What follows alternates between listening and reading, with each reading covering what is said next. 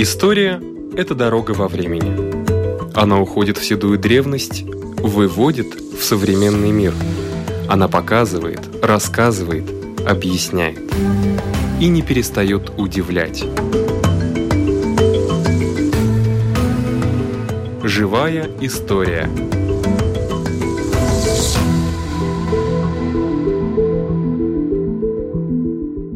У микрофона Лидия Чера.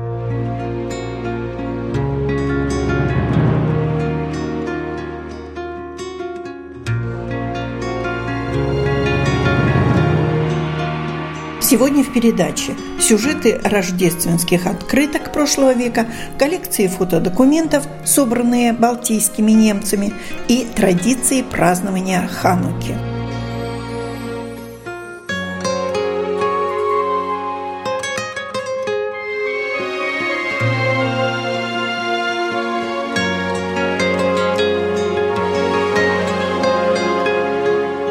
Вот и первый адвента уже позади, но еще впереди несколько недель ожидания праздника Рождества, праздника чуда света. Историк Мартинч Весперис собрал удивительную коллекцию рождественских открыток.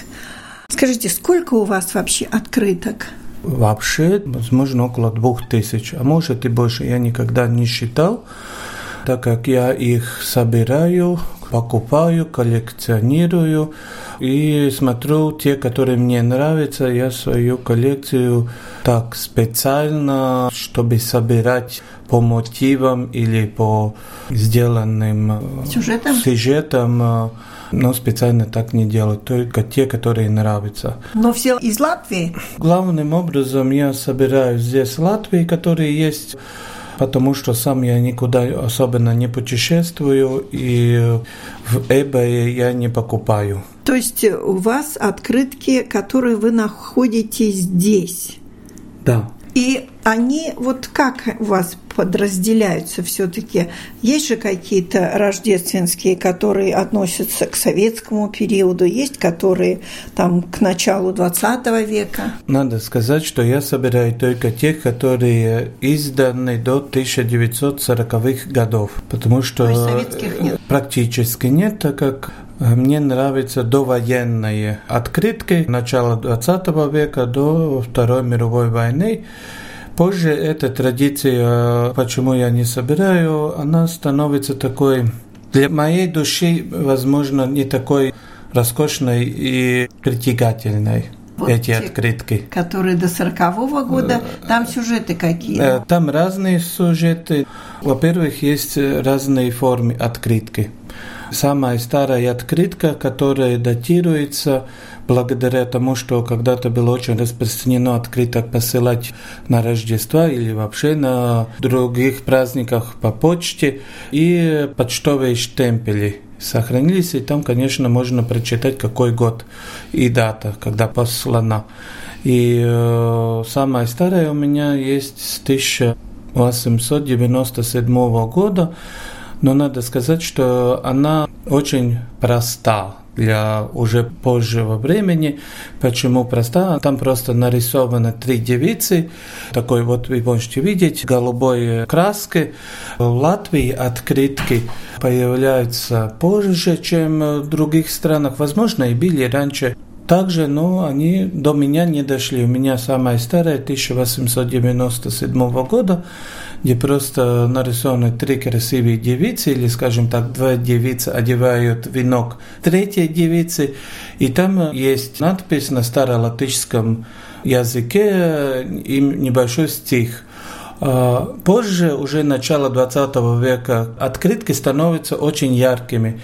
Они могут быть и черно-белыми, но очень много сделаны колоритные, когда специально сделали рисунок или фотографию и ее специально колорировали красками. Я сам называю их красивые карточки. У них даже, я не знаю, есть ли особые названия. Ну и сюжеты там э, более богатые, как я э, посмотрю. Да, есть надо сказать, дети что... и птички. Сюжеты там есть разные. Например, если вот мы смотрим сейчас на праздник Рождества, там доминируют, во-первых, сюжет люди, фотографии сделаны, и, конечно, и рукописные художники или какие-то мастера сделали. Есть сюжеты о зиме, конечно, есть настольные такие, где есть шампанское, есть и вы можете видеть и хумористические, где есть такой немножко такой юмор э, да. положен. Если, например, знаем, что следующий год будет год свиньи, тогда вот как вы здесь видите, можно видеть, что свинья держит шампанское. И, конечно, есть и простые с Новым годом написано на латышском. Вот одна и на русском языке написано. Есть и также с часами, да, и да. время, когда с Новым годом уже больше. Но интересно то, что есть и простые такие карточки, где Дед Мороз или, как латыши говорят, Земасвятку вецитис, да, идет. Далее можно видеть домик с свечей в окне. Много карточек есть такие, скажем так, не специально сделаны для Рождества, но у них внизу написано с Новым годом, с Рождеством. А ту же самую карточку, вот вы видите одинаково, что там написано с Пасхой. А, а я видела у вас еще фотографию одной артистки, наверное, артистка Голливуда, но там тоже преции по-латышски написано. Ну, в Латвии было так, что карточки издавали и в национальном стиле. Например, есть карточка, где можно видеть латышскую девицу в народном костюме. А я или, думала, что она актриса какая-то. Ну вот, здесь и есть актриса. Вот видите, это э, известная девочка в Америке была Шерли Темпл. Да. В Латвии много карточек, которых издавали, и сюжеты брали из Запада. И издавали здесь, просто написали на латышском языке или на русском с Рождеством или с Новым годом и тиражировала здесь советское время, которое мне, возможно, просто мне не идет к э, душе, там больше мы можем видеть уже такие больше посвящены тематике Нового года, такие как идеалистические, когда появляется звезда, Кремль, или вот здесь, например, можно видеть такую олимпийскую мишку, сидя в машине, и за нем есть елочка. Да или Дед Мороз едет уже на самолете и так далее. Конечно, когда вот космос завоевали, очень много тематики уже о космонавтов. Конечно, очень много рисунков посвящено детям, где Дед Мороз медвежатами, зайчатами и так далее. Конечно, есть такие патриотические карточки. Интересно, ну, у меня только одна такая карточка есть, где с Новым годом, где военный советский солдат радуется с Новым годом. Это 45-й год уже когда война закончилась. И надо сказать, что и начало века были такие патриотические, где специально появились символы. Ну, Российская империя это больше связаны, если это было с Рождеством, тогда очень много были связаны с религией. Очень много таких, где есть и Первой мировой войны изданные карточки специально, которые разные общества издавали, продавали, и средства пошли каким-то лазаретам, госпиталям, раненым солдатам. Также и Второй мировой войны также было. В наши дни я карточки не покупаю, потому что мне они такие неинтересные, кажется. Почему? Потому что мы больше не посылаем так много, как когда-то.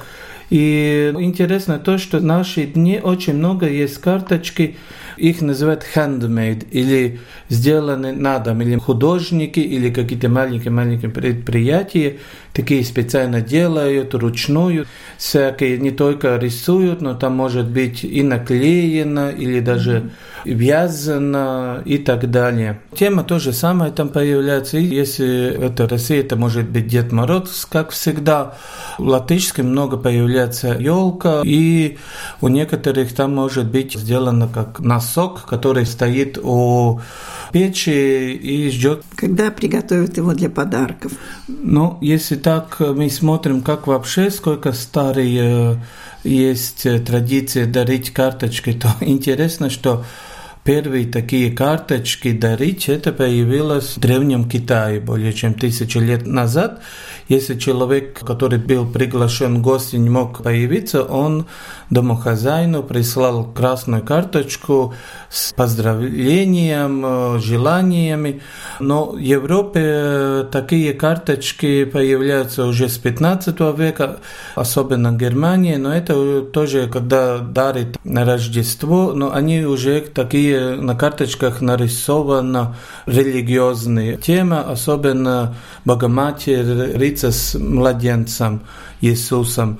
Такие карточки, как мы сейчас понимаем, они появляются начала XIX века, например, в Англии, их делают дети для родителей, ручную выкрашивают. Когда появляются водяные краски, тогда уже колоритные такие, но такие специально, когда уже начинают делать такие, как карточки, уже тиражом и продавать, их отцом считается английский предприниматель Хенри Кол, который э, в 40-х годах 19 века первый начинал тиражировать карточки и дарить своим друзьям и родственникам, и оставшиеся продавать. Тема сначала тоже такая семейная, религиозная, возможно, но позже, конечно, темы становятся гораздо разнообразнее, и я считаю, что кульминация карточек, дарить карточки такие, это начало 20 века до Первой мировой войны, когда на карточках могли быть даже такая тема, как смерть. И, например, вот видите здесь такую карточку. Мама сидит у пустого колыбели, горе, и там написано «С Рождеством». Но это, конечно, связано с романтикой, с югенстилем, когда тема смерти была в искусстве очень распространена, и это не считалось какой-то печалью, как табу, что вот э, на Рождество это нельзя посылать. Я думаю, буду собирать еще долго. Сначала думал, что их не так много, но сейчас я смотрю, что тематика очень разнообразная и очень много разных издателей или просто художников издавали даже с периодом 1900-1940. У нашего микрофона был историк Мартинч Весперис. В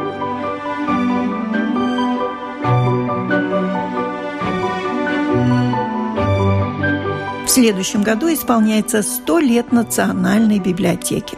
Программа «Живая история» предлагает цикл сюжетов о раритетах, которые там находятся. Итак, заглянем в хранилище редких книг.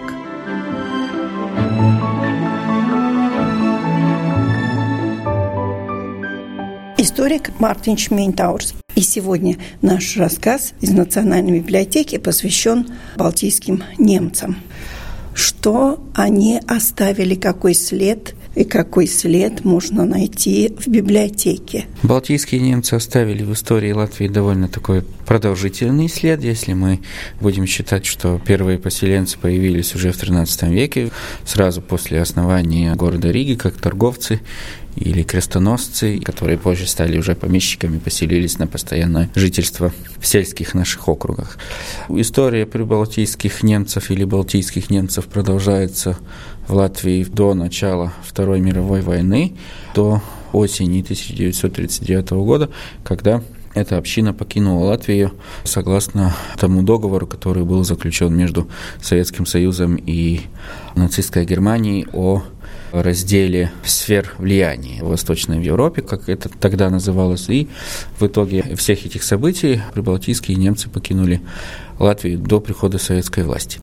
Тем не менее, есть, конечно, материалы, которые сохранились с того времени, когда еще эта община проживала в Латвии, и разная эта история была и по межнациональным отношениям между латышами и балтийскими немцами и администрацией Российской империи в 18-19 веках и в начале 20-го.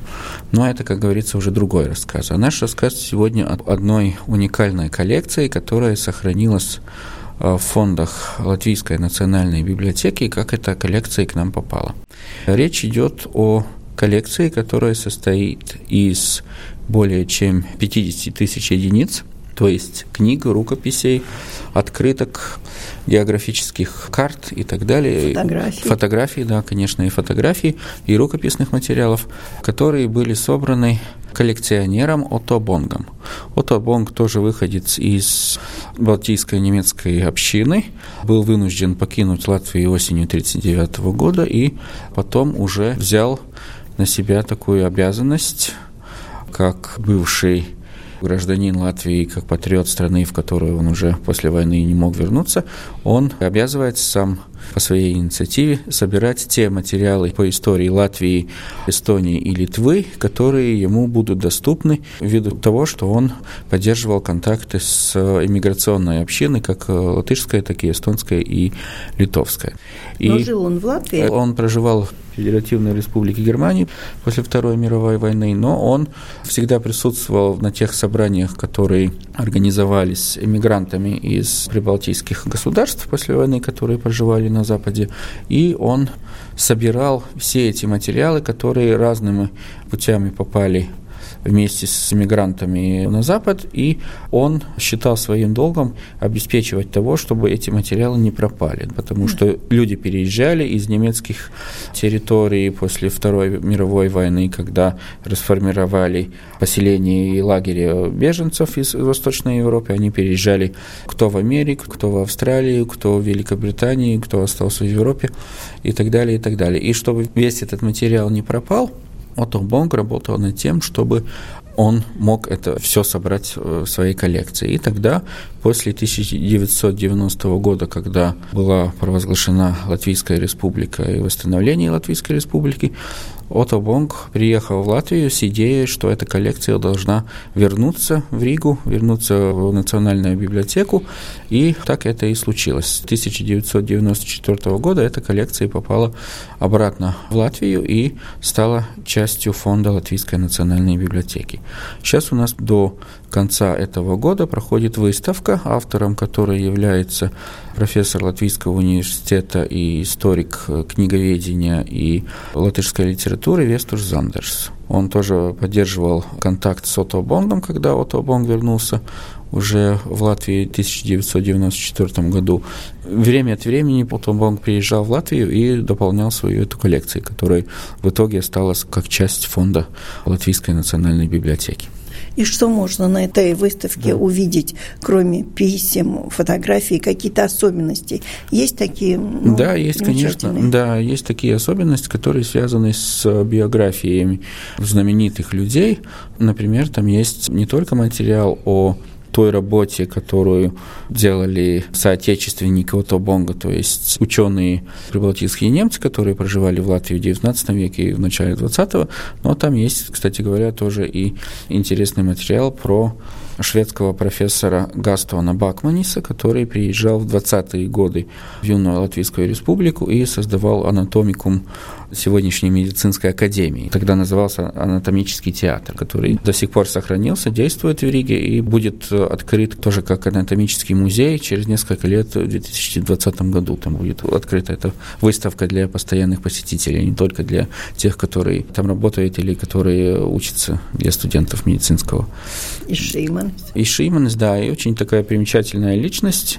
Это Паул Шейманс, тоже прибалтийский немец, который был очень активным политическим деятелем в эпоху парламентарной республики, то есть с 1920 по 1934 год, до переворота Улманиса. И Паул Шейманс стал знаменит не только в латвийском масштабе, но и в масштабе международном тем, что он очень заботился о правах э, национальных меньшинств, как и тогда называлась часть латвийского населения, то есть о тех, которые представляли другие национальности. Ну, в основном это касалось тогда в довоенной Латвии немецкого меньшинства и, конечно, русского. И Паул Шиманес стал знаменит тем, что он при международной организации, которая предшественник сегодняшнего ООН, то есть 20-е и 30-е годы была такая международная организация, которая называлась Лига наций. Центральный офис этой организации находился тогда в Швейцарии, в Женеве. И Паул Шиман стал знаменит тем, что он очень работал как юрист по образованию, тоже заботился о тем, как создавать законы, которые были в силе тогда в Латвийской республике, которая от, отличалась таким очень четким законодательством по правам национальных меньшинств в 30-е годы и по правам культурной автономии, которая гарантировалась государством. Потом, правда говоря, эту автономию в 30-е годы при Улманисе притеснили, в том числе и школьную автономию. Но до 1934 года Латвия считалась как бы образцом на европейском уровне. Толерантность, а, да? Ну да, тогда еще такого слова не, не употребляли толерантность, но образцом по той системе правовой защиты, которая действовала действительно на практике в ежедневной жизни и национальных меньшинств, и других народов, которые проживают на территории Латвии. И вот в коллекции Ото Бонга тоже есть э, интересные биографические материалы об этом интересном человеке, об этой личности. Паул Шиманс, кстати говоря, он был одним из очень немногих балтийских немцев, которые остались э, после 1939 года в Латвии, которые не уехали. И он умер осенью 1944 года здесь же в Риге, но во время нацистской оккупации он тоже успел сотворить благое дело, то есть он помогал беглым евреям скрываться от нацистских репрессий, в том числе и нашему известному киноведу, ныне уже покойной Валентине Фрейман, которая тоже благодаря Паулу Шимане смогла выжить до ухода немецкой оккупации в 1944 году. Я просто задумалась, Отто Бонг так много собрал такую коллекцию, но он-то в 1939-м покинул Латвию. Да. А в каком году он родился? Он родился как раз в том же самом году, который сегодня празднуется как столетие Латвийской Республики, то есть он родился в 1918 году. То есть в 1939-м ему уже было около 20. Да, 21 год, и успел собрать здесь, но большее количество... Не, он, он успел он, это собрать как да. раз э, не здесь, а как раз после войны уже в этих иммиграционных кругах, потому да. что это была самая уязвимая часть этой коллекции, которая могла пропасть то, что осталось в Латвии, оно было, как мы уже в прошлый раз говорили, там при советской власти, может быть, не все было доступно для публики при цензуре, но оно было, оно сохранялось. Если даже было в таком скрытом виде, в музейных фондах, в библиотечных фондах и так далее. Но там как раз в эмиграции, конечно, было более хрупкое все это дело, потому что это все могло запросто пропасть. Просто при... элементарно Элем... пропасть. Ну да, да. Выкинуть, сжечь. Выкинуть, сжечь, переезжая с одного поселению к другому и так далее. Спасибо. Интересная выставка, интересный рассказ. Спасибо. У нашего микрофона был историк Мартинч Мейнтаурс.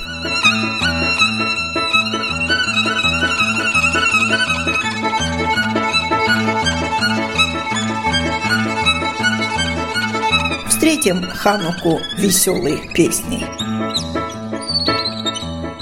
A little sing ich jetzt zwei Reiche, was zusammen chaie. Die Melodie sind alte, noch die Wörter sind in neue. Das gesungen haben unser See des Sonnich Bobes. Und der Tate fleckt das Singen noch ein Kinder Schatten. Fein, ich sag euch, es euch tut der Rakasket. So seid eure Isa, geht er noch verkäufen jetzt. Es der wäre im Lach und Reis und er wohnt in Tokio. Rett Japanisch mit die kickt das Socker, jo. Wie ist meine Hittel, mein Masseldicke Hittel. Ui, gewalt, ist auch bald, ist mir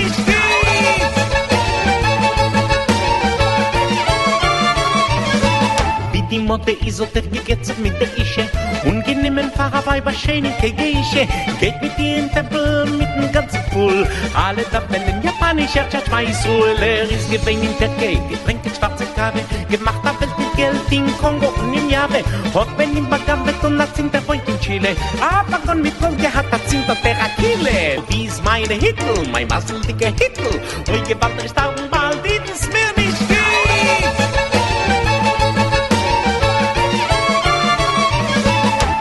Mode iso te mit de ische.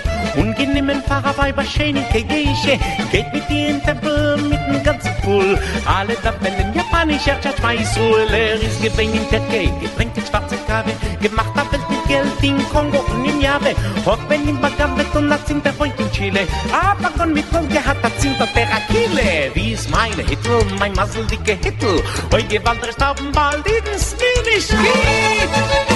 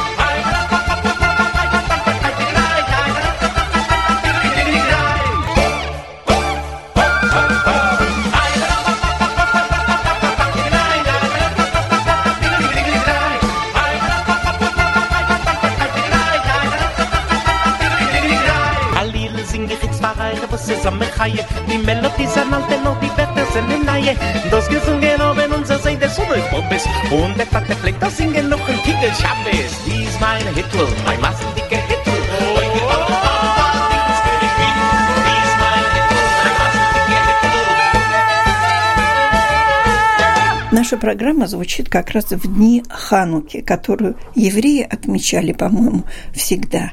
И в советское время, и до советского времени, и продолжают ее праздновать сейчас. Может быть, об истории немножко, но даже не самого праздника, а вот празднования Хануки. Меня зовут Юлия Терещенко, я исполнительный директор Музея Рижского гетто и Холокоста в Латвии. Действительно, Ханука – это очень древний праздник, очень значимый праздник для евреев. Это праздник веры в чудо, праздник света. Этот праздник посвящен чуду ожидания. Сама история еврейского народа – это история мечты о своем царстве. Когда евреи начали создавать свое государство и из небольшого племенного союза создали то славное царство, о котором в легенде говорят как царстве Давида, Соломона. Когда-то оно было разрушено. Вскоре после смерти Соломона его 12 сыновей не смогли разделить власть, и царство распалось на два.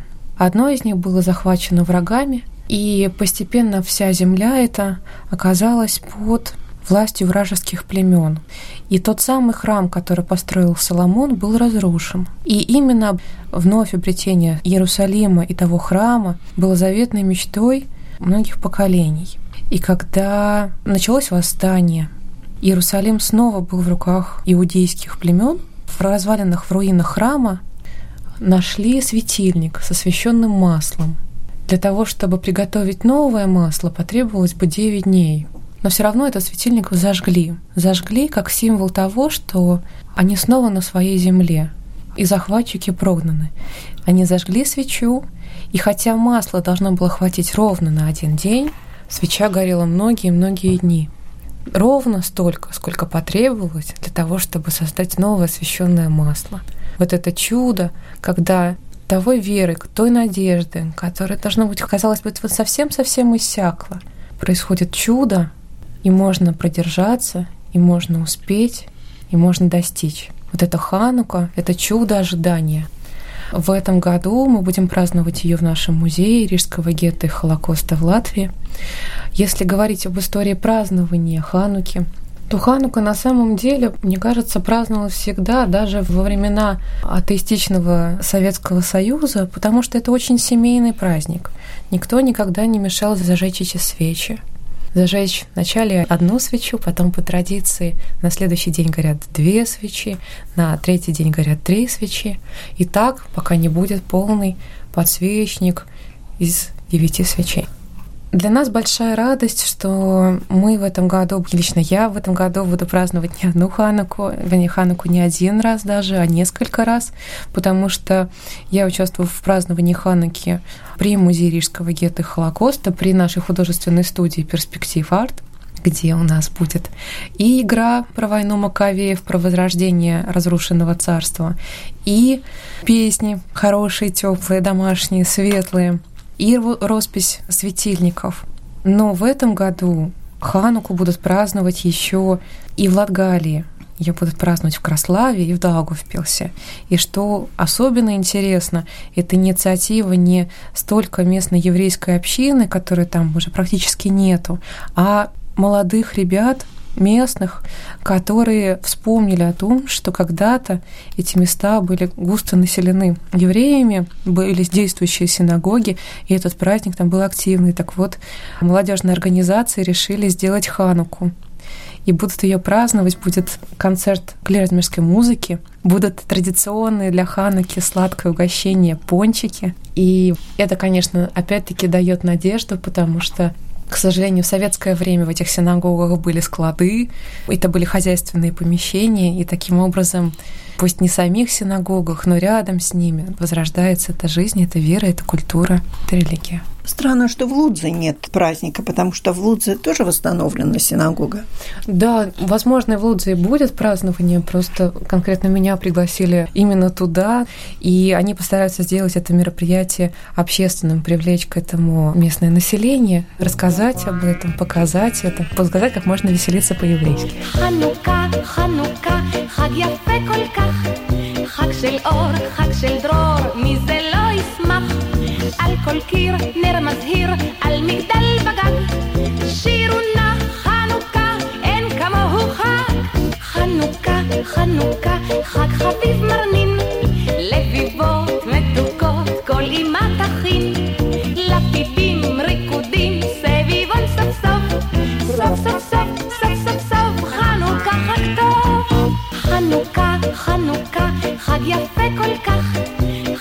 אור, חג של דרור, מי זה לא ישמח? על כל קיר נר מזהיר, על מגדל בגג. שירו נא חנוכה, אין כמוהו חג. חנוכה, חנוכה, חג חביב מרנין. לביבות מתוקות, כל אימה תכין.